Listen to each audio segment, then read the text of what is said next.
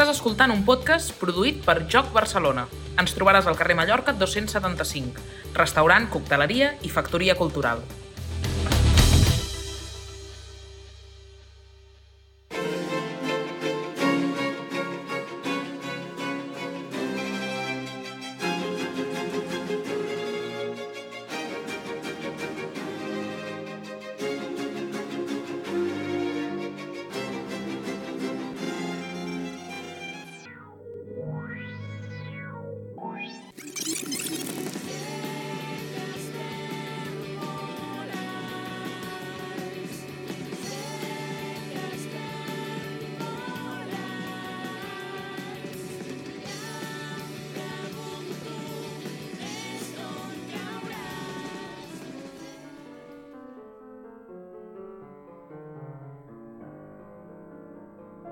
Punquis de Simonòniques, un podcast de dames victorianes del segle XXI.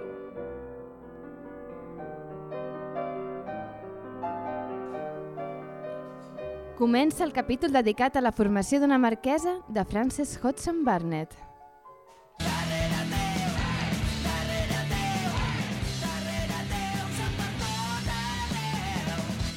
De qui parlem avui?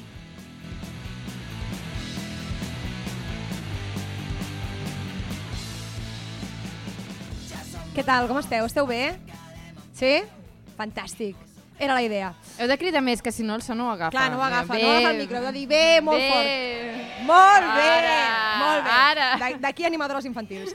Eh, bueno, va, eh, hem de dir que aquest capítol ens feia molta, molta il·lusió, o sigui, com, com sempre, però, però més, eh, perquè jo, la Blanca fa molt de temps que em deia que havia de llegir aquest llibre Molt. i, i he de dir que l'he gaudit com una enana. Eh, llavors, així, que, així per començar, deixeu-me que li dono les gràcies perquè ho heu gaudit moltíssim i aquestes coses s'han de dir, així que Blanca, ara sí podem començar. Ai, bueno, gràcies, estimada, em fa molta il·lusió. La veritat és que mm, em feia molta, molta il·lusió parlar d'aquest llibre perquè era inèdit fins ara en català i això passa molt poques vegades amb grans clàssics i, a més a més, la Frances Hodgson Barnes és un tros d'autora molt poc coneguda i que volia reivindicar.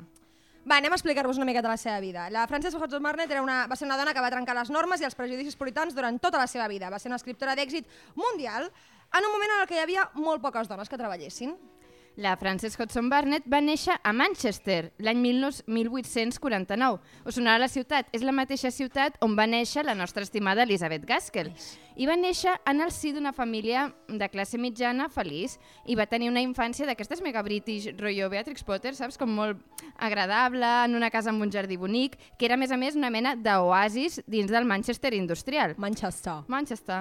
I fins i tot tenien una mainadera i va rebre una certa educació a casa, fins que, desgràcia, mort el seu pare, Ledwith Honson, quan la mare estava embarassada del seu cinquè fill, deixant la família sense cap font d'ingrés, per tant, tragèdia. La seva mare es va fer càrrec del negoci del pare i la Frances va, Francis, Frances va quedar al càrrec de la seva àvia, que li comprava molts llibres i que a més a més li van comanar l'amor per la natura i la jardineria.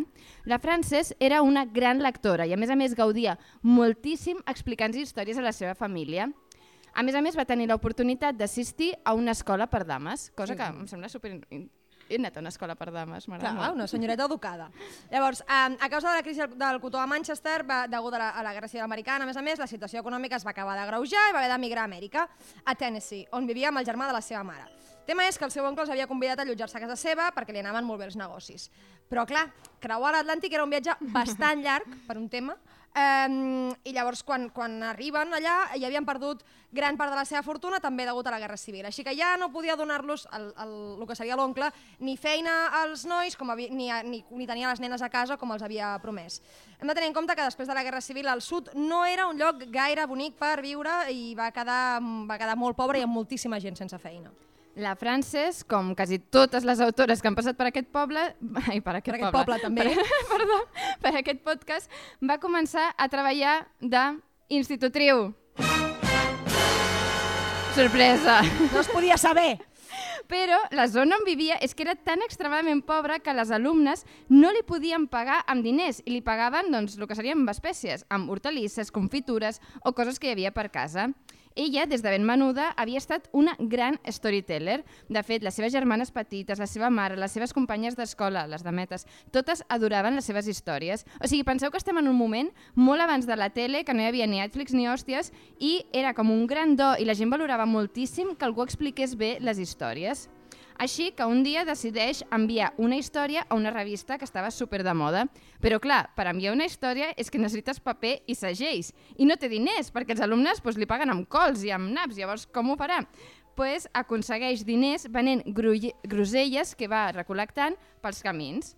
Va enviar la història a una revista de moda i a més a més els hi va haver de demanar si us plau, si no us agrada, mmm, torneu-me-la perquè és l'única que tinc, perquè és que havia hagut de pagar això, paper, sobre, segells, però gràcies a Déu li van acceptar la història i va començar a publicar abans dels 18 anys per poder sustentar la seva família i treure-la de la pobresa i va començar, o sigui, ella estava molt obsessionada en treure la seva família de la pobresa i va començar a treballar de manera constant, de fet, sobreexplotant-se. Ella mateixa deia que havia estat durant els primers anys de la seva vida una pen driving machine. Mare de Déu, pobra criatura. Eh, llavors, el tema és que arriba un moment que ella es fa eh, íntima amiga del seu veí, que es deia Swan Burnett, que igual el cognom és una miqueta un spoiler del que ve a partir d'ara.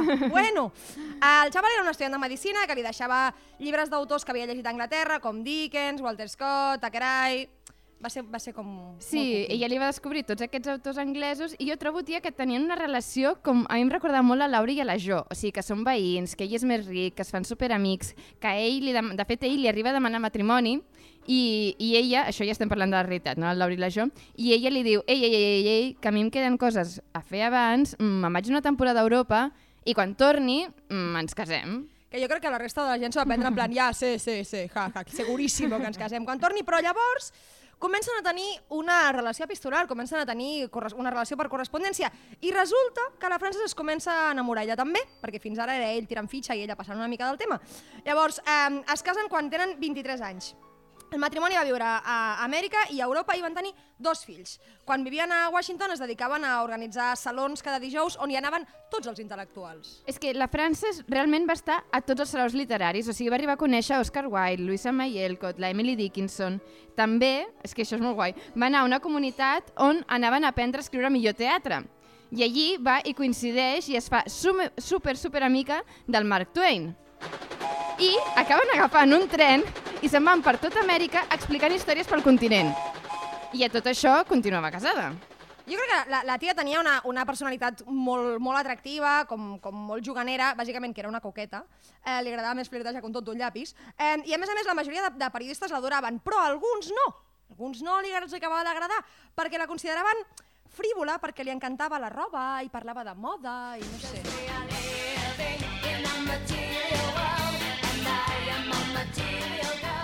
Ella, ella volia anar a París, o sigui, perquè volia estar a la capital cultural i a ell pues, ja li anava bé perquè allí feien els millors especialistes en l'especialitat d'oftalmologia. I, però el que passa és que arriben allí i malgrat ell era metge, era ella que havia de sostenir la família amb els seus llibres. A més a més de portar la casa, fer la roba per tothom, netejar, cuinar, criar els dos fills... Això la va assumir en una depressió, en plan va dir ja no puc més, o sigui, fins aquí. A més a més, es va greujar per la mort del primer fill, que li va inspirar el seu gran èxit d'adventes, que era el petit Lord Fauntleroy. I bueno, després va escriure La princeseta i El jardí secret, que la van consolidar com a, com a autora de literatura infantil, que funcionava molt, molt, molt, molt, molt bé econòmicament, cosa que és important. O sigui, es movia molts diners. Eh, jo t'he de dir que per mi és una mica complicada la relació amb el marit, o sigui, tinc mixed feelings, perquè estem en un moment històric en el que algunes autores ho començaven a patar econòmicament molt, molt fort, Com la, com la Louisa May Alcott, per exemple, que no patiu, que li dedicarem un capítol, calmem-nos una mica, ja arribarem. i que era, és, o sigui, era un moment en el que era habitual eh, que hi havia pamflets de tot arreus que deien Homes, no deixeu que les vostres dones escriguin, hem de recuperar la literatura. Claro. Moment fantàstic per viure. Sí. I el Swan Barnett, en canvi, estava pues, mega in en que ella escrivís. Però alhora dius, home, pavo, o sigui, justament si és ella que porta els diners a casa i que literalment t'està mantenint, o sigui, si a sobre et queixes del teu mitjà de subsistència, doncs no sé, tela, no? Però hi ha cartes d'ell dient-li oi, és que ha estat superdur, ha estat tant de temps separats, com de difícil és obrir una consulta de metge a Washington, que ho havia aconseguit ell solet, sense donar-li cap mena de crèdit que tot aquest temps que l'havia estat mantenint era la Frances. Molt bé, campió. Mentre ell li enviava les cartes en plan ai, era més feliç quan érem pobres i estàvem junts, ja, claro. Eh, és a dir, abans que ella pogués desenvolupar-se professionalment i tingués, tingués èxit. Vaja, mm, perla el xaval. Eh, a sobre que ella estava fent tota la feina a dins i a fora de casa, perquè clar, eh, noi llest. Bueno, com hem dit, va entrar en una depressió, que jo no sé si és que estava hasta el coño o és que quan se li va morir la criatura va dir, bueno, fins aquí. Eh, al final va demanar el divorci al seu marit, eh, que van orquestrar de manera amistosa, difícil, però ho van aconseguir. Vamos allà. Llavors van començar a portar vides separades per poder tenir arguments legals pel, pel que seria el divorci. Però la societat americana extremadament puritana els va semblar un escàndol majús i la van titllar de manera despectiva com The New Woman, un terme que definia la dona feta a si mateixa i feminista, que de fet va popularitzar les seves obres al Henry James. Mhm. Pel Washi el Washington Post va arribar a dir que el divorci era a resultes de les idees avançades de la Barnett sobre els deures de l'esposa i els drets de la dona. Vaya, que coses, eh? En fi, um, va tornar a Anglaterra, on gaudia de la vida al camp. Llavors després va viure en pecat uns anys amb l'Stephen Townsend, un, un doctor 10 anys més jove que ella, que li fotia la xapa amb el tema que tenia el somni frustrat de ser autor i que el seu papi no l'havia deixat i no sé què, no sé quantos. Total, que l'entabana i es tornen a casar. Eh, però el matrimoni va ser un desastre, no se podia de saber, i va acabar en divorci perquè ell era un capullo integral i un cop es casen ja la lluna de mel comença a comportar-se com era realment, mm. eh, fent numerets histèrics i clar, la pobra Frances descobreix que amb el matrimoni només pretenia tenir el control financer sobre ella. Perquè estem en un moment històric legal de merda en el que la dona, un cop es casava, el marit tenia control sobre el seu patrimoni. I el pavo també pretenia, bàsicament, catapultar la seva carrera com a, com a actor perquè que ella fos famosa era demasié pel pobre xaval. Total, que va començar a, a ser el seu mànager i tot s'ha de dir que van guanyar molts diners amb les seves negociacions. Vale, un segon. Eh, Blanca, em deixes que li doni un, un consell per Ouija a la. Frances? Frances, reina meva, no et quedis amb el primer que et trobis després de divorciar-te. El rebound és imperatiu. N'hi ha un per cagar-la i després ja si de cas t'espaviles. Entesos? Vale, podem seguir. Perquè, o sigui, hem de tenir en compte que per ell era molt important, eh, el, ell era actor tal, eh, perquè les adaptacions dels llibres de la Frances Hodgson Burnett al teatre eren un èxit molt bèstia, o sigui, ho petaven moltíssim i movien molts, molts, molts diners. El problema era que moltes de les adaptacions que es feien de les seves obres es feien sense autorització i a sobre no li pagaven royalties. Què vol dir això? És molt fort, perquè o sigui, és que aquesta dona és, és fantàstica perquè va dir en plan, fins aquí, va denunciar-ho i va començar un procés legal, malgrat tot el desgast personal que això provocava, i va guanyar. O sigui, que va revolucionar, és que jo soc advocada i això em fa molta il·lusió, va revolucionar la llei de propietat intel·lectual i a partir d'aquest moment, a partir d'aquest moment, tots els escriptors tenien dret a rebre beneficis per les obres derivades dels seus textos. Obres derivades vol dir tot el que no siguin textos, o sigui, tot el que no siguin les Teatre, publicacions. cinema, bla, bla. Exacte. Barnett es va passar tota la vida lluitant contra els prejudicis de la societat eh, puritana que li va tocar viure. Tot i ser una escriptora mundialment famosa i un èxit de ventes, o sigui, hem de pensar que era com la J.K. Rowling de l'època però sobre en alta literatura, socialment era un font de safreig i despreci pels seus dos divorcis. I a més a més, mmm, bueno, és que no, no la podem estimar més, perquè No. a més estava fortament compromesa amb la lluita de les sufragistes. Well done, Sister Suffragette. From Kensington to Billingsgate, one hears the restless cry. les dues ja que sonin un segon, eh? Vull dir, és que és un tamasso. Womankind Vale, va, o sigui, visca ella i, i, i sí, i a tope. A veure, um, si bé actualment jo crec que la recordem molt més, a banda de per la formació d'una marquesa, per les seves obres de literatura infantil i juvenil, com El jardí secret, en el seu moment les obres que feia pel públic adult estaven durant setmanes a les llistes de més venuts. I aquest cas ha estat el de la formació d'una marquesa que, per sort, a Catalunya, quan va sortir, va tornar al lloc que li tocava, que és a la llista dels més venuts. I, a més a més, ja anem per la tercera edició en menys d'un any. Perdó, però havia de fardar. No, no, farda, farda, per favor. Sí, sí, però què va escriure?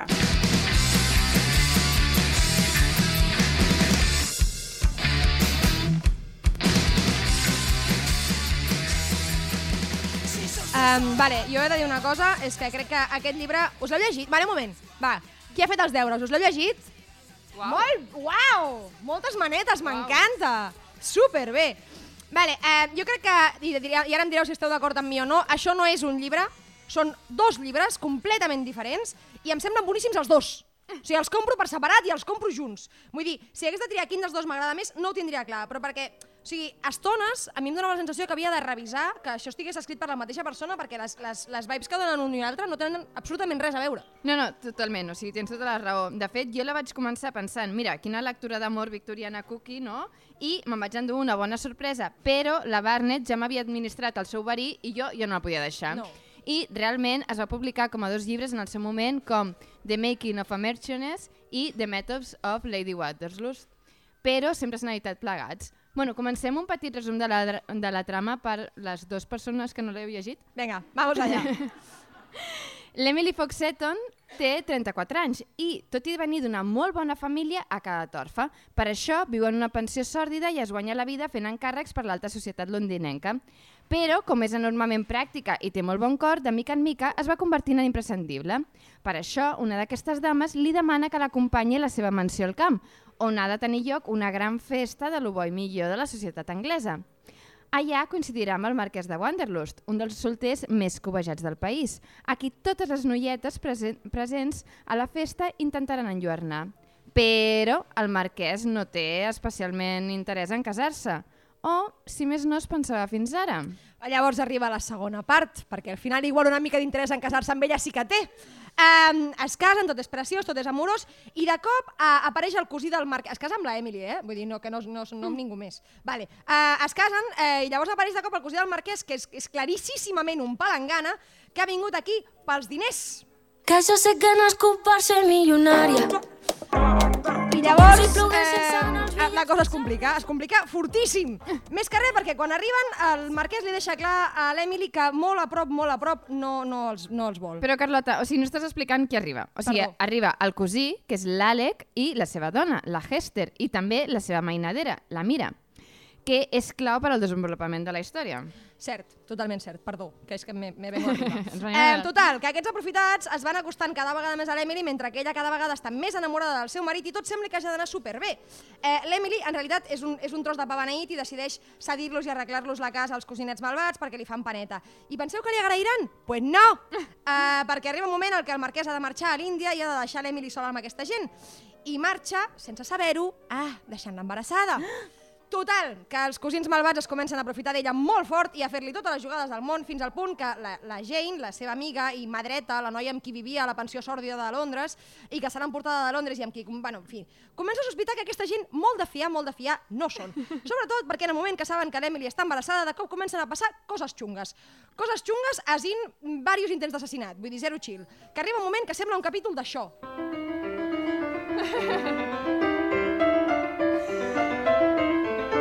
Però, per sort, la Emily té la Jane, que és com la millor amiga servidora del món i, les, i o sigui, l'arriba a salvar infinites vegades de totes les maldats i acaben fugint de casa seva i amagant-se per poder acabar amb calma l'embaràs i que doni a llum d'una criatura preciosa i sembla que tot hagi d'anar bé, però té un mal pare i mentre el marquès torna de l'Índia ella sembla que s'està a punt de morir. Però vale, no patiu, acaba bé, acaba bé. Um, però, o sigui, veieu com estan passant moltes coses tota l'estona? O sigui, a mi m'ha super flipat, com, per exemple, com té la, la capacitat de fer-nos veure que l'Emily és una intensa i com enfatitza les coses, per, o sigui, posant-la... la- les- L'escriu en cursiva.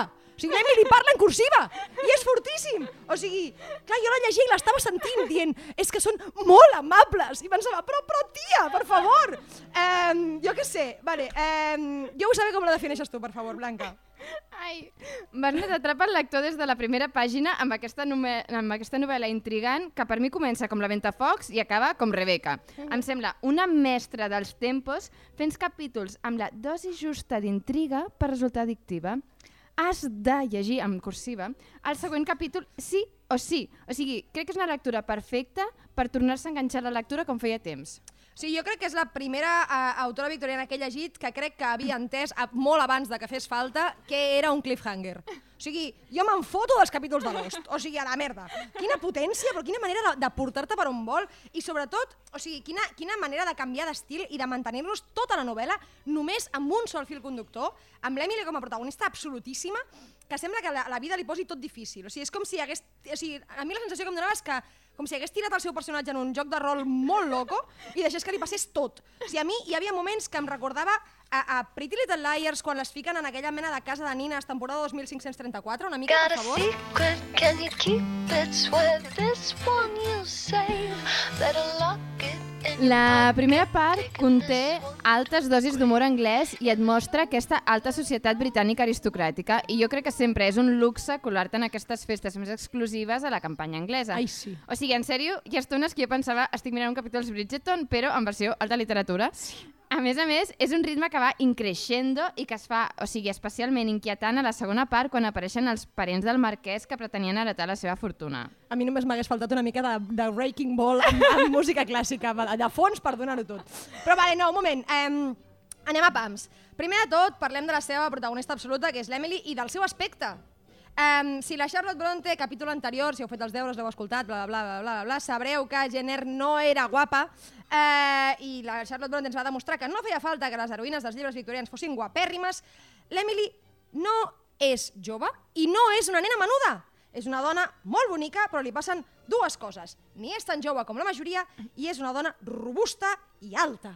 O sigui, per fi, una heroïna que és alta. O sigui, gràcies a Déu. Aquí, des de l'equip de les dones altes, gràcies, Frances.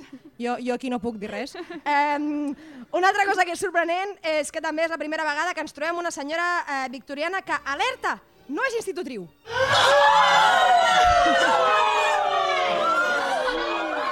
Um, no, l'E- l'Emily fa una feina molt ingrata i molt poc clara, eh, que és eh, bàsicament el que avui li diríem amb un nom fancy de merda, tipus life manager o qualsevol altra borrada. Eh, bàsicament fa recados per senyores riques. O sigui, fa les feines que no vol fer ningú.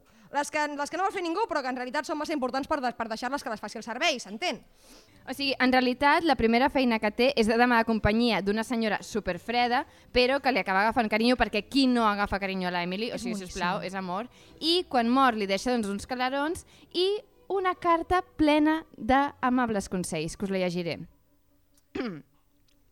li diu Torna a Londres. No ets prou llesta per fer res d'extraordinari per guanyar-te la vida, però ets tan bona que pots ser útil a moltes persones desvalgudes que et pagaran una, mis una misèria perquè les cuidis i t'ocupis dels assumptes que no gestionen elles mateixes perquè són massa gandules o massa celebrades. Podries trobar feina en una revista de moda segona categoria i encarregar-te de respondre preguntes ridícules sobre l'administració de la llar, o els empaperats, o les pigues. Ja saps què vull dir. Podries escriure notes o portar els comptes i fer les compres d'alguna dona mandrosa. Ets una dona pràctica, honesta i ben educada. Sovint he pensat que tens la mena de dons normals i corrents que una munió de gent normal i corrent voldria que tingués al seu servei. O sigui, m'encanta, perquè això jo crec que ens situa molt bé en l'humor que té la Hudson Barnett. Pots o sigui, dir-li mala llet, també. Mala eh? llet. Dir, Gràcies. O sigui, la Emily, pobreta, o sigui, no està fent feines que siguin super imprescindibles. O sigui, està triant les mitges més barates i organitzant festes o portar invitacions o coses així que són com mitja secretària. Però això recordem que ho pot fer i no ho oblidem perquè és una persona de família noble, però que ha quedat pobra i els seus parents nobles doncs, s'han desentès del seu benestar econòmic i per tant té prou estatus com per no desencaixar en aquestes situacions. I en realitat això serà molt important després per poder-se casar. Clar, perquè o sigui, és des d'aquesta perspectiva, és a dir, treballant, que ella coneix el seu futur marit, el marquès, que, i, quan, i quan el coneix, ella ni de conya es pensa que li pugui fer ni mig cas. No una mica de cas, ni mig. Um, perquè quan, quan Lady Maria li demana que se'n vagi amb ella a Mallowcourt, que és el puesto aquest tan estupendo on fan festes, um, ella es posa a pensar amb qui es pot casar el mar amb el marquès. Um, quedi clara una cosa, és que el marquès ja s'havia casat abans i havia quedat viudo i per tant no tenia cap mena d'interès en casar-se altra vegada i això és més cosa de, de Lady Maria que de ningú. Però vaja, que amb ella la contracten per organitzar una festa i resulta que és, que, que, que, que és la seva i ella ni mu, o sigui, és com si li haguessin fet una mena de, de reverse festa sorpresa que a mi m'encanta, la veritat. És que, a més, ella no pensa mai que pugui enamorar el marquès, perquè no se sent bonica i, en canvi, admira moltíssim la Lady Agatha, que, per altra banda, o sigui, és preciosa i està ja intentant assegurar un matrimoni perquè ella, pobra, té cinc germanes més per casar. A mi va fascinar bastant, he de dir, la, la relació d'amistat que tenen elles dues, perquè, sobretot perquè ens esperaríem que si ella no fos tan innocent la veiés com una rival.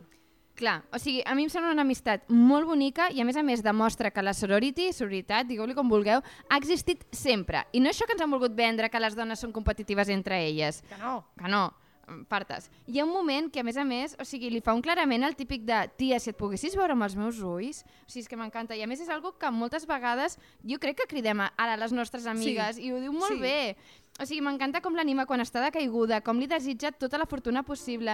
I a més a més, troba evident que la seva amiga es mereix certes coses que, en canvi, no veu clarament que ella també se les mereix. Clar, però perquè ella té, o sigui, ella té molt assumit el seu rol i no, no es pensa que sigui un partit desitjable i, a més a més, és una dona que, que viu amb por pel seu futur. O sigui, tem què passarà el dia que no tingui prou força física i no pugui treballar. Està sola, o sigui, qui cuidarà d'ella? Acabarà en un asil? Clar, és una, és una preocupació que jo crec que avui en dia encara és molt vigent. I a més a més, tornem al tema de sempre, és a dir, les dones no poden accedir a moltes feines perquè estava prohibit i perquè directament tampoc no podrien anar a la universitat per tenir estudis suficients. No és que sigui tonta, és que no la deixen És que estudiar. no deixen estudiar. Llavors, la Emily i l'Àgata tenen por, però por amb majúscules. O sigui, l'Àgata és una mena de Daphne Bridgerton. És The Diamond of the Season, eh, Clar, molt fort. Que ha sortit, a més, que ha sortit, o sigui, cada setmana sortia les revistes que es posava a cada festa, amb qui ha parlat, a tots els llibres de moda, però que és pobra, o sigui, s'ho juga tot a trobar un marit, en- un marit, un martiri, un marit Un en martiri, aquesta també. season, ja que, o sigui, a sobre té la pressió de ser la gran i que té cinc germanes darrere seu per casar-se. I les cartes que rep de la seva família retraient-li que no ha aconseguit tancar un matrimoni és que, tia, se'm trencava el cor. Bé, jo crec que també hauríem de parlar de les, de les altres convidades, perquè és divertit perquè en realitat el que ens trobem en aquesta festa són tres prototips de convidades diferents, no? Um, del, que- de les que són possibles candidates, eh? Pel, pel, pel Wanderlust. No, li hem, posat, li hem canviat el nom 15 vegades. No, jo crec que no ho hem escrit bé Jo- cap vegada. jo Walderhust. clicava- Walderhust. W, W, baixa baixa majúscula random, i, eh? i lletres com Exacte. randoms. Horst i ja està. Bueno, a tope. Total, eh, la gata hem comentat que és tot bellesa i, i elegància, és el, el, el del Diamond of the Season, eh, i a més a més és de família supernoble, de, de sang gairebé dels Tudor. La segona és una pubilla americana que, us llegeixo literalment, era la mena de noies americanes que, es, que s'acabaven casant amb un noble. Vale, això no us ha recordat molt a la mare d'Autonavi? És que a sobre es diu literalment Cora.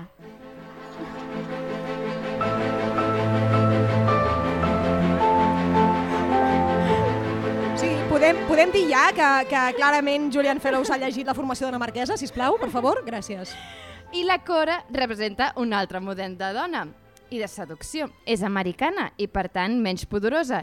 I la seva manera de seduir-lo és no fent-li cas i flirtejant amb altres a la seva cara. O sigui, em sembla brutal com no ha canviat res en quasi 200 anys. Som o sigui, idiotes, som subnormals. us llegeixo literalment, obro cometes. Em sembla que conèixer una noia a qui fos indiferent li provaria. O sigui, fer-se la dura, segueixo. Es preguntava si potser a un home a qui totes les noies li anaven al darrere, una noia que no li feia cas i es dedicava tan exclusivament a entretenir altres homes, podria resultar-li agradable. O sigui, ens han venut aquesta història de merda supertòxica que hem de mostrar zero interès i sentiments, encara, o sigui, que trobo que encara sembla la regla general que coneixes algú i no has de mostrar interès perquè no fos cas que es noti que t'interessa. Mira, no sé, Vaya, la sopa, la sopa d'any que hem descobert aquí. Però no patiu, que la, la Hudson Barnett ens desmunta aquesta tonteria. Hi ha una tercera dona, que és la senyoreta Ralph, que és una dona molt culta i molt intel·ligent i que pretén seduir-lo desplegant la seva genialitat, malgrat que Lady Maria, que al final és qui la contracta, qui la se l'emporta a Malaucor, eh, té molt clar que no podrà seduir el, el Wanderlust Conscious perquè és massa afectada, però, o perquè vol ser massa llesta, Eh, o sigui, hola, què tal? Eh, o sigui, això ho diu la, la Lady Maria, no, no el marquès, no el marquès fent de machi. I ho, ho, diu, ho diu així, diu, la senyora Ralph és la mena de dona que va per feina. Acorralarà el Walderhorst i li parlarà de literatura i posarà els ulls en blanc fins que li, fins que li agafi tírria. Aquestes escriptores que estan tan contentes de si mateixes, eh, si a més fan de bon veure, es creuen capaces de casar-se amb qualsevol. La senyora Ralph té uns ulls bonics i els posa en blanc amb gràcia. What? En Walderhorst no es deixarà enredar així com així. La noia Brooke és més múrria que la Ralph. Aquesta tarda ho ha sigut molt. Ha, de començar, ha començat de seguida. Bueno, What? Eh, Meravella. Tornem a les que realment ens cauen bé, que són la Emily i l'Àgata. Gràcies. Eh, elles no són unes romàntiques ingènues, o sigui, saben molt bé que el matrimoni és la única manera que tenen de no ser una nosa per les seves famílies i dur una vida independent. O sigui, pensen en el matrimoni com un contracte purament econòmic, però les dues trobaran l'amor. Bueno, ja, però després de pringar bastant. Però bueno, centrem-nos. Parlem de la festa, per favor. Vale, o sigui, tia, la festa. O sigui, quin estrès posttraumàtic Sant Jordi, sí, o no? O sigui, Oh!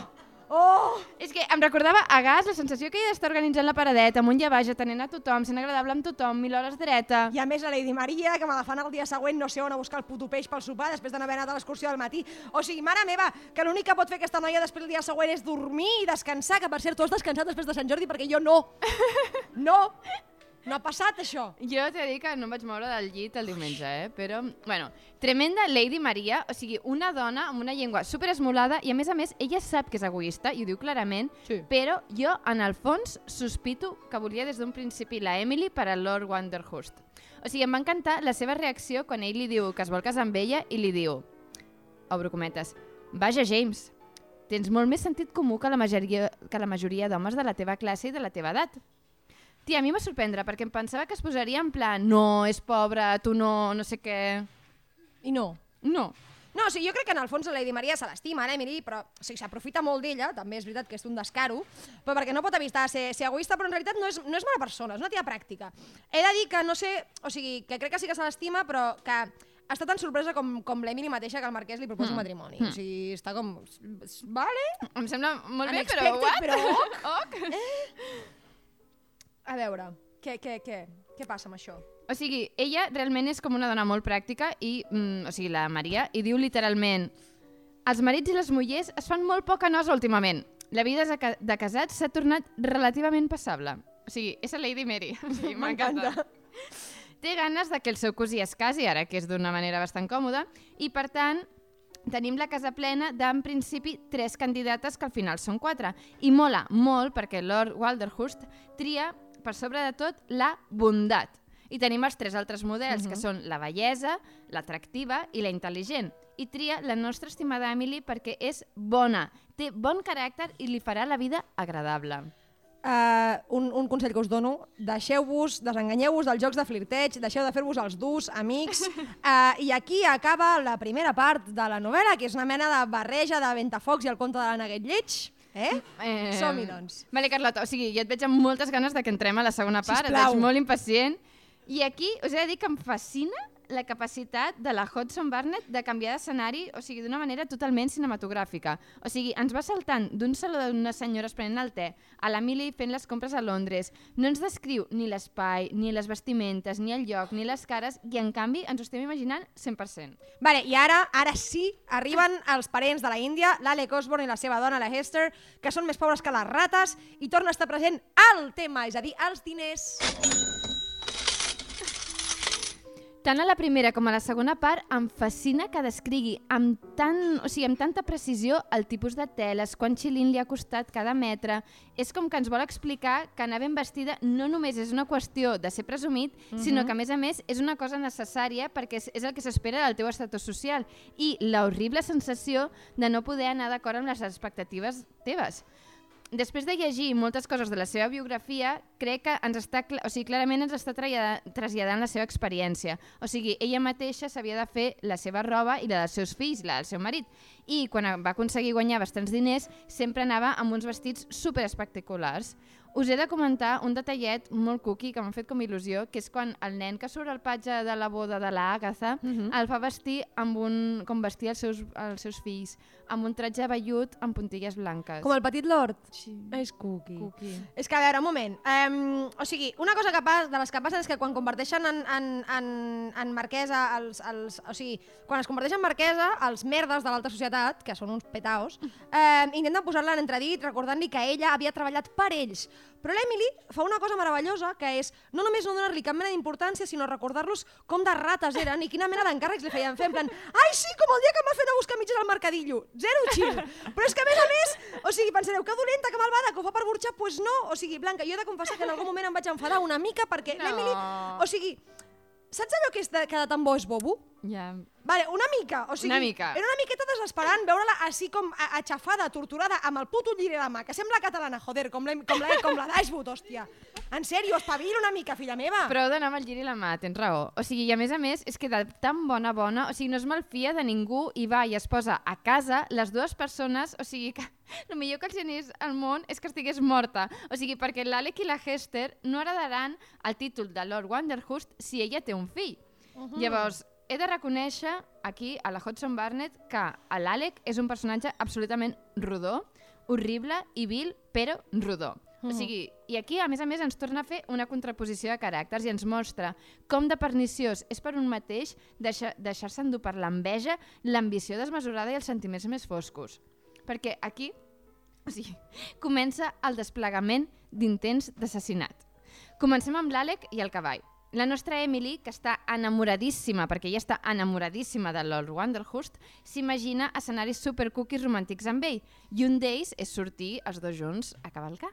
Vale, perquè això, o sigui, això és molt gros. Si el tema és que l'Àlec munta molt i molt bé i la pobra Emily, entre moltes coses, hi ha moltes coses que no sap fer, nedar, anar a cavall. Llavors, eh, entre altres coses perquè no sap anar a cavall perquè ha viscut a Londres, que és una, una cosa que podia fer és anar amb puto autobús. No li feia falta anar amb cavall, perquè això és el que feien els pijos i ella de pija no en tenia res, pobra filla meva. Eh, total, que hi ha un moment que el seu marit, que també cavalca i de qui està ja absolutíssimament enamorada, ha de marxar a la Índia. Això és, això és, això és important. Vale? Total, que ella intenta fer com moltes coses per recordar al seu marit eh, a qui aprèn a estimar mentre està fora.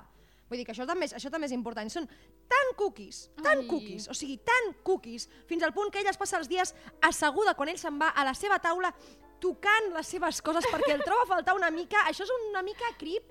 But I'm a creep. I'm a weirdo. Um, gràcies, eh, Richard Cheese, per eh, fer una versió de Radiohead que no em fa venir ganes de tallar-me les no l'he venes. sentit mai. Eh, és meravellosa, ja, ja, ja la posarem a Twitter. Eh, o sigui, tornem a l'Emily, per favor, perquè Crip sí, però estupenda ella. Eh, total, que el seu estimat marit ha promès que, ensenyarà, que l'ensenyarà a cavalcar i li ha comprat una euga, però marxa abans de poder-la ensenyar a cavalcar. Total, que l'Àlic li diu, no, no, no, és molt bon plan dir-li que l'ensenyarà a cavalcar i posar-la en perill, però, ha, problemes! Perquè aquí comencem a veure com de dolentíssim és i com l'Emily, més per instint que per intel·ligència, eh, decideix no deixar-se enredar. Que igual també li passa la cosa de no deixar-se enfilar el cavall que li, pos, que li proposa l'Àlic i tal i qual, perquè, ha, sustito, no li ve la regla! Què passarà? Què misteri obre? Per què no li deu venir la regla? Doncs no sé. Bueno, però perquè està embarassada. Ara! I per sort el metge li prohibeix muntar a cavall i no se'ns mor per un accident, entre cometes. Però, si aquest cop l'ha salvat la providència en majúscules, a partir d'ara qui la salvarà serà la Jane Cap. Us ubico una mica, que no sé si sabeu qui és la Jane. L'Emily, abans de casar-se, vivia a Londres amb dues dones encantadores que li feien la vida superagradable, la senyora Cap i la seva filla, la Jane, que, eh, bueno, que la Jane a més tenia el somni de ser la donzella d'una dona noble i poder viatjar amb el món, pel món amb ella. La Emily, quan es converteix en marquesa, decideix oferir-li a ella la feina, que a més a més és super espavilada i super lleial. perquè no la salva només una vegada. I ja en parlaríem, perquè la gent sembla el puto àngel de la guarda. O sigui, Total. Blanca, quin és el segon intent d'assassinat? Per què a tot això, en quin moment es queda embarassada la Hester, que també es queda prenyada? És un festival d'aprenyamenta. Això, en realitat, és una de les coses que canvia més la relació entre elles, el fet de que la Hester es quedi embarassada, perquè al principi la Hester doncs, no vol tant com l'Àlec, o sigui, no li vol tan mal com l'Àlec, i de fet comença a apreciar la seva generositat i bondat, que els hi posa a la casa i tot, i els dona regals, i de fet doncs, no l'odia tant. Però quan la Hester sap que espera un fill i que podia tenir una vida regalada sent el proper Lord Walderhurst i que l'Emily és una barrera, literalment, comença a deixar-se endur per sentiments més foscos, a no filtrar i bueno, li semblen superbé tots els plans turbis de l'Àlec. Vale, l'Alec és un personatge tan, absolut, o sigui, tan absolutament odiable que al final, bueno, o sigui, al final l'odies amb totes les teves forces i justifiques tot el que li passa perquè jo no sé si tu confies en la justícia poètica, però jo confio en la venjança poètica, que em sembla millor. O sigui, com a plan, em sembla millor. Sí. I llavors ve el segon intent d'assassinat. Vamos allà. Que ja, aquí ja comença tot a ser una mica raro, perquè ja no sabem si ve part de l'Àlec o d'aquí, o que no hi ha intent d'assassinat i que la pobra Jane se'ns està tornant boja. Per què? Per casualitat, la Jane revisa les escales i veu que falta un tram just abans de que baixi la Emily. Però clar, al final estem en una casa vella que podria haver passat una cosa casual. Però les dues comencen també a dormir malament i, de fet, la Emily nota una presència a la seva habitació mentre es dorm. Però, clar, deu ser un somni, segur. Seguríssim, segur. La Jane comença a estar molt empipada i a vigilar molt la Mira, que és la criada de la Hester. Un personatge que, sincerament, em dona molt mal rotllo i que veus que no és aigua clara. I a tot això arriba el tercer intent d'assassinat Claro que sí. sí en el pont que hi ha al costat de l'estany insondable on, casualment, la barana on es recolzava sempre la Emily es fa malbé. I aquí sí, aquí és la gent qui salva els mobles fortíssim, evitant que pugi al pont com jo crec que 0,2 segons abans, eh, o sigui, arribant corrents abans que ella s'enfili al pont, llengua fora, tot, tot dramàtic, mig histèrica, arrencant-la del puesto. Però clar, aquí no sabem un altre cop si això ho està fent l'Àlex Sol, bueno, aquí ja hem vist que això està passant algo xungo, no? Sí, sí, sí. Però no sabem si és l'Àlex Sol, si ha la Mira, i si ha la Mira, per tant, la Hester, que també està conspirant amb ell per fer-la caure a l'aigua i matar-la. Vale, un segon. Jo aquí vaig tenir un, un, un moment turbo woke. Um, o sigui, a tu no et va semblar una miqueta racistot el moment la bruixa índia és la mala, és la dolenta de la pel·lícula? O sigui, a mi em va grinyolar una mica gros, perquè en realitat, o sigui, no tant, perquè entens que si ho fas per protegir la Hester, però vaig pensar, ui, Francis, que m'estàs fent un Mercè Rodoreda racista dels collons una mica. Unexpected. O sigui, sí, o sigui, sí, hi ha moments que dius, hòstia, tia, t'estàs passant. Però, al final, realment, la Hester és la bona i el dolent és l'Àlec, que és anglès. O sigui, Ja. sí, però no, però sí, ente entiendo tu argumento. Vamos. Portem moltes pàgines pensant que darrere dels intents d'assassinat també està involucrada la Hester. Però, tia, és preciós el moment en què la Hester pren consciència del que està passant realment i de les conseqüències que podria tenir i comença a muntar guàrdia, literalment, al voltant de la, Emi, de la Emily perquè prengui cap mal. I no només Eh, I només la deixa sola, només se'n fia de la Jane Cap. I aquí hi ha un moment mm, de la Hudson Barnett que es torna a marcar un sorority, que és quan la Emily li pregunta si l'odia pel que representa i ella li respon. I quan no l'audio, penso que és perquè potser totes dues som dones. Ai, pell de gallina, eh? Pell de gallina. I aquí també, doncs ja per fi, tenim la seguretat que no s'ho estava muntant de pobra Jane al cap, que pensa s'està tornant boja, pobreta dona. No, no, tenia tota la raó. I què passa? Doncs un altre intent d'assassinat. En portem quatre, eh? Us ho recordo, perquè no perdeu el compte. Som-hi. Quan li porten un té enverinat a la pobra Emily i la Hester, o sigui, salta, o sigui, rotllo, o habita, rotllo guardaespatlles, es posa entremig per prendre-li la tassa. Una altra cosa important és que arriba un moment que la Jane i la seva mare han de convèncer la Emily mm, per tornar a Londres, o sigui, d'aquí no pots quedar, filla meva, i sobretot per fugir d'aquesta casa, perquè és que literalment et volen matar. I aquí jo em torno a treure el barret a les capacitats narratives de la Frances, perquè de cop, no sé, o sigui, passes de pàgina i de cop estàs a la casa, al salonet, prenent te amb un metge victorià que està prenent te amb la seva dona a Londres. O sigui, em dona moltes vibes, és típic capítol de The Crown, que de cop fan un capítol random canviant els protagonistes per gent aleatòria, mm, molt ale allunyada dels protes. Sí, totalment, perquè de cop, o sigui, a veure, ens, tro ens trobem, ho situo, l'Emily i les Caps se'n tornen al que, al que havia sigut casa seva a Londres, quan, quan hi vivien, amb l'excusa de que no, no, me'n vaig a uns banys alemanys a fer salut per l'embaràs i no sé què, vale, vale, que sí. Eh, total, aquí apareix un metge que a mi em sembla un personatge divertidíssim perquè no només la cuida, sinó que intenta entendre qui és aquesta senyora, perquè no els hi diuen en cap moment qui és, i què punyetes fa a Londres amagada. I aquí passa una mica de ser, de, o sigui, de cop de ser la formació de la marquesa i es torna Sherlock. Perquè de cop el metge i la seva dona, com si fossin Sherlock i Watson, es posen a intentar endevinar què punyetes passa en aquella casa i em sembla molt divertit no només a quines conclusions arriben, sinó com ho debaten i com ho parlen, perquè Sherlock, moment, un moment, obro cometes, diu la senyora Warren, hi ha una incongruència entre aquesta descripció del personatge i el fet que s'amagui, com és evident, en un carrer de pensions de mala mort, va observar la senyora Warren. Encara és més incongruent de com t'ho he pogut descriure. No t'ho he explicat tot. M'he guardat pel final el detall de, que l'ha catalogada definitivament com un cas extraordinari. Suposo que la gent que fa aquestes coses té un cert sentit dramàtic. Quin detall? va preguntar la senyora Warren, abandonant per un moment les seves especulacions. Quina conclusió, responsa... Quina conclusió respectable no es podria deduir del fet que sobre taula, a prop seu, hi havia una carta segellada amb un imponent escut d'armes? Un cop els meus ulls ja han topat accidentalment, he procurat evitar, per descomptat, tornar-la a mirar i per això no m'hi he pogut fixar bé. D'altra banda, quan m'ha anunciat, he vist com ella apartava de seguida la mà, la mà dels llavis. Havia estat fent petons a l'anell que portava. Després no he pogut evitar veure'l. Ai, Mary, era un rubí que per la mida i el color hauria estat digne de les mil i una nits. La senyora Warren començava a rendir-se. Em sembla coquíssima aquesta relació i com admira la seva dona. Hi ha un moment que hi pensa, Sovint, en Warren tenia la sensació que les converses amb ella eren com una mena de consulta a un col·lega professional especialment intel·ligent i empàtic. Vaya, que no sigui un ser humà! No Vaya! sé, digo jo! Joder! I tia, i aquí, quin desespero les cartes que no arriben, perquè Oh. la Emily ha avisat a Lord Wanderhurst, o com es digui, que torni ja, que està en perill, però l'Alec, que a part de turbio és intel·ligent, intercepta la carta i no li arriba mai al Lord Wanderhurst. Però clar, això la Emily no ho sap i està mega nerviosa esperant la carta que no li arriba. I tia, si ara ens desesperem quan algú ens triga a respondre un WhatsApp relativament urgent, o sigui, imagineu-vos a sobre que aquí trigava dies i setmanes i a més a més que es podria haver perdut pel camí i tu no ho sabies si t'estava fent ghosting o és que estava perduda la carta. O sigui, no, em sembla o sigui, desesperació real i absoluta, o sigui, tot malament. On és el double check, Postman Pat? On és? Postman Pat, Postman Pat, Postman Pat, and his black and white cat. Perd perdoneu perquè us esteu cantant això tota la setmana. Ja està, disculpes, seguim. Bueno, i tia, o sigui, quina muntanya russa d'emocions, o sigui, quin patir. O sigui, s'ha de reconèixer que la Hudson Barnett té un talent fora de mida per tenir el lector mega enganxat i de fer 4 o 8 plot twist i que a més a més et semblin super coherents i encertats. O sigui, ara que per fi se n'han anat els parents de, a la Índia i que ja no és un objectiu de múltiples assassinats, d'intents d'assassinats, tenim el, Wanderlo, el Lord Wanderlust, com es digui, super malalt a la Índia.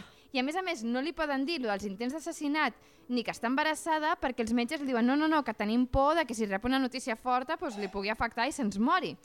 I aquí he de dir que tenim un regalet que són les cartes d'amor que s'envien entre ells. Són boníssimes. Perquè crec que no us ho hem dit, però la Emily està realment enamorada d'en Walderhurst d'una manera superbonica i genuïna i ell també n'està moltíssim d'ella i, i li fa vergonya perquè sent com un adolescent perquè mai s'havia enamorat de debò. Us llegeixo, em deixeu que em llegeixo un fragment, oi? Dic, les teves cartes, estimada Emily, suposen una gran, un gran plaer per mi. Avui ets exactament com eres a Halloween, una dona afable i amb bon humor. La teva tranquil·litat m'estimula. Com d'estimada! Com d'estimada! va exclamar la Emily en, silenci, en el silenci de l'estudi i va omplir la carta de petons feliços i apassionats. O sigui, lo cookie, que és veure un tros de dona altíssima, guapíssima, de 35 anys, fent petons en una carta com una nena i cridant com d'estimada! És boníssima, és que m'encanta. És boníssima. Oh, un altre fragment de la carta del Walderhurst a l'Emily.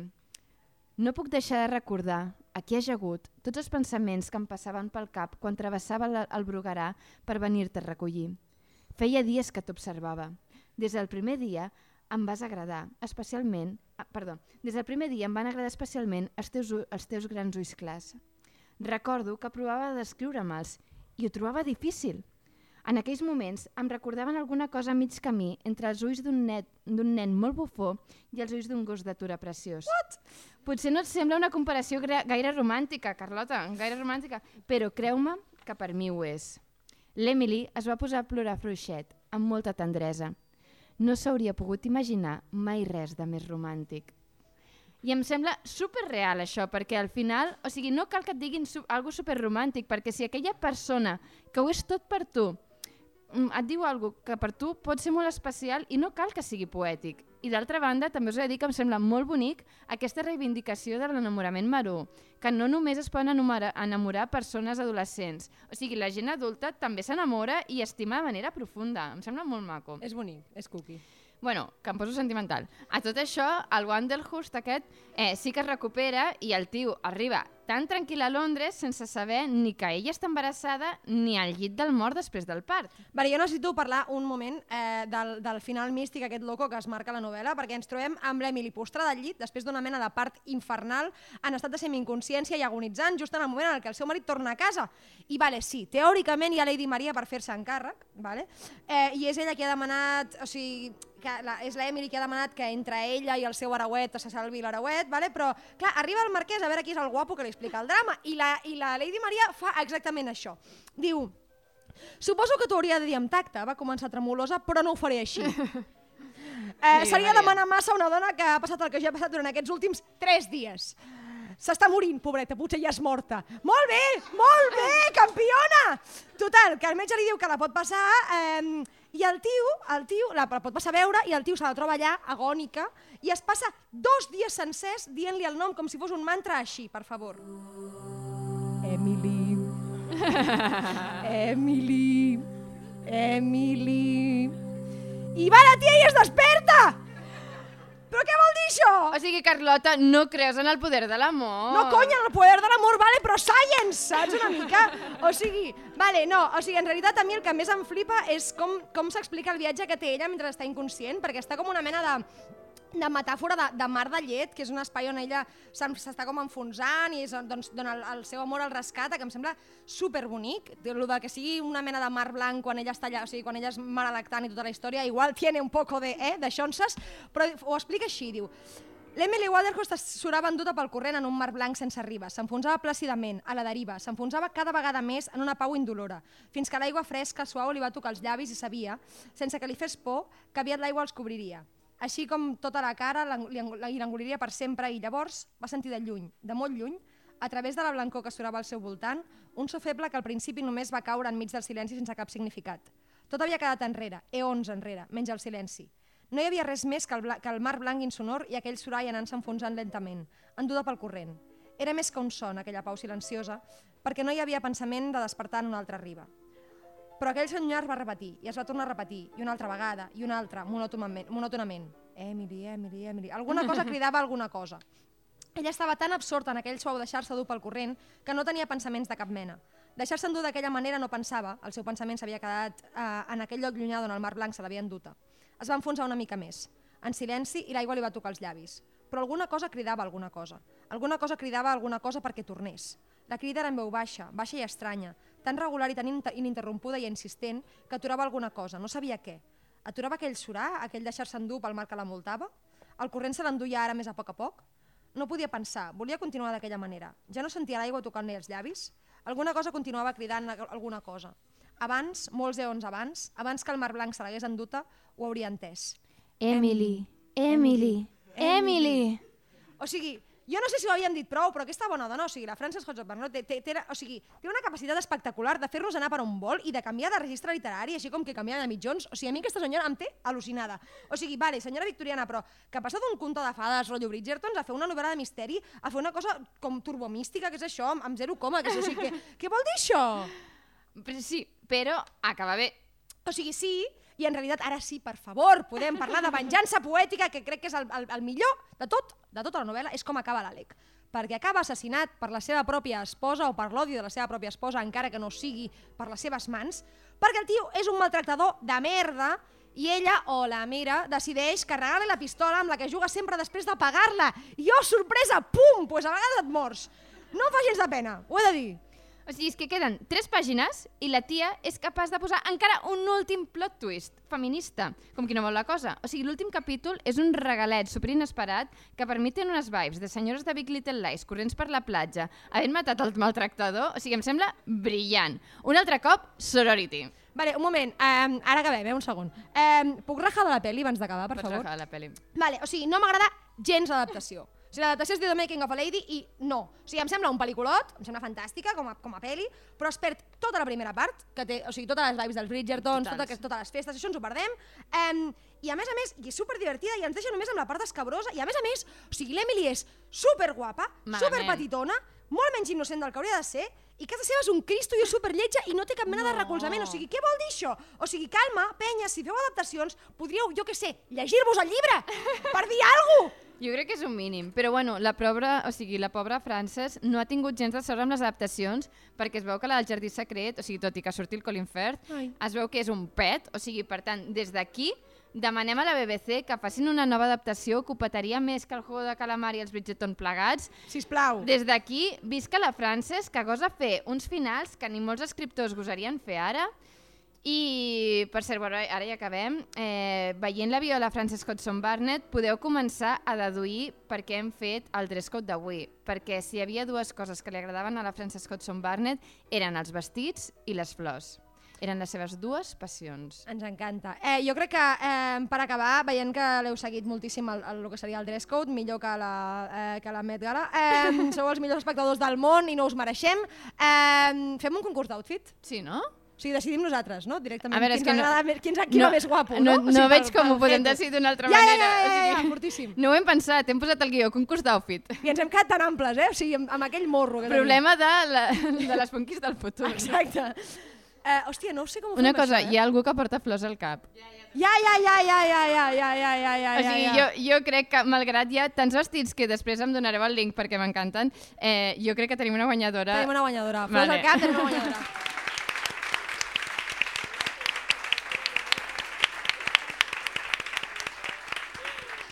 Que a més sé que és una lady i ha llegit tots els llibres i cada 10 Yes. minuts m'escriu et publicareu aquest? I ho farem. Ho farem, ho farem. Moment! Dóna'm temps. Bueno, Eh, què, fem un, fem un resumillo? Sí. Dale.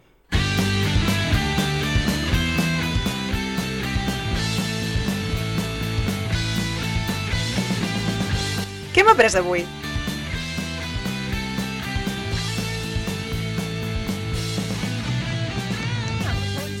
bueno va. O sigui, què hem après avui? Us, us, re- jolín, us ho resumim en 5 punts. Punt número 1. Que la Frances Hodgson Barnett va ser una de les escriptores victorianes més famoses i més ben pagades mundialment. O sigui, una estrella. que gràcies a ella va canviar la llei de la propietat intel·lectual i que els autors perceben royalties per les adaptacions teatrals de les seves obres. Que la Frances Hodgson Barnett és una autora supermoderna i que gestiona de manera magistral els cliffhangers. O sigui, no pots deixar el llibre, aconsegueix que sigui superaddictiu i és la mestra dels plot twists. Que la formació d'una marquesa és un sol llibre, però en podrien ser 15 de la quantitat de coses que hi passen. Que la bondat i la innocència són el millor do. L'enveja i l'ambició desmesurada només porten a la infelicitat. I si no, mireu com acaba l'Àlec i com acaba la Emily. Ha! Lliçons morals, eh? He acabat bé, eh? Ah! Bueno, va, eh, jo crec que és el moment. Eh, sabem que no podeu marxar d'aquí sense saber què és el que toca el mes que ve. Així que aprofitem per convocar-vos al següent capítol que el dedicarem a... Mansfield Park, de Jane Austen. Bien, ja està. No esperava aquesta reacció, però m'encanta. Llavors, eh, com, que, com que passa a una mansió preciosa i en la que hi ha més, més balls i amor i coses boniques, eh, hem decidit el dress code. El dress code serà de gala. O sigui, us... bueno, a veure, el que es pugui. Calmeu-vos, calmeu-vos, moment! O sigui, us esperem amb les vostres faldilles llargues, els vostres vestits, us esperem les vostres camises, les vostres llaçades... O sigui, bàsicament li hem d'ensenyar a la gent de Vogue que a Catalunya fem les coses millor que la Met Gala de Nova York, per favor! O sigui, feu-nos sentir orgulloses. Orgulloses. sisplau, Per favor. A veure, el lloc. Hem de dir, la, la, el puesto el tenim. Això quan serà? Això serà el dia què? El 15 de juny.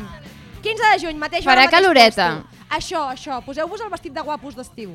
Aquell vale? que n'heu fet servir en una boda i està allí a l'armari? Doncs Pues aquest. Vale, va, un moment. Um, no, podíem, no, no voldríem acabar sense donar les gràcies a tota la gent que ha fet possible que avui passés això. Primer de tot, mil gràcies al joc per acollir-nos i a la Paula Carrera per la coordinació. El Carles Garcia, gran Carles, per fer màgia als botonets i tenir una paciència absolutament infinita amb nosaltres. A la Laia Salvador per posar les veuetes als separadors. A les filles europees per cedir-nos Júlia Aguilar per la cinta inicial i a les Buc per cedir-nos les seves cançons pels separadors i per aquesta cinta final que ara sona. I a totes vosaltres. Mm, Gràcies per venir. Per escoltar-nos i per fer-nos cas, que no entenem per què ho feu, però gràcies.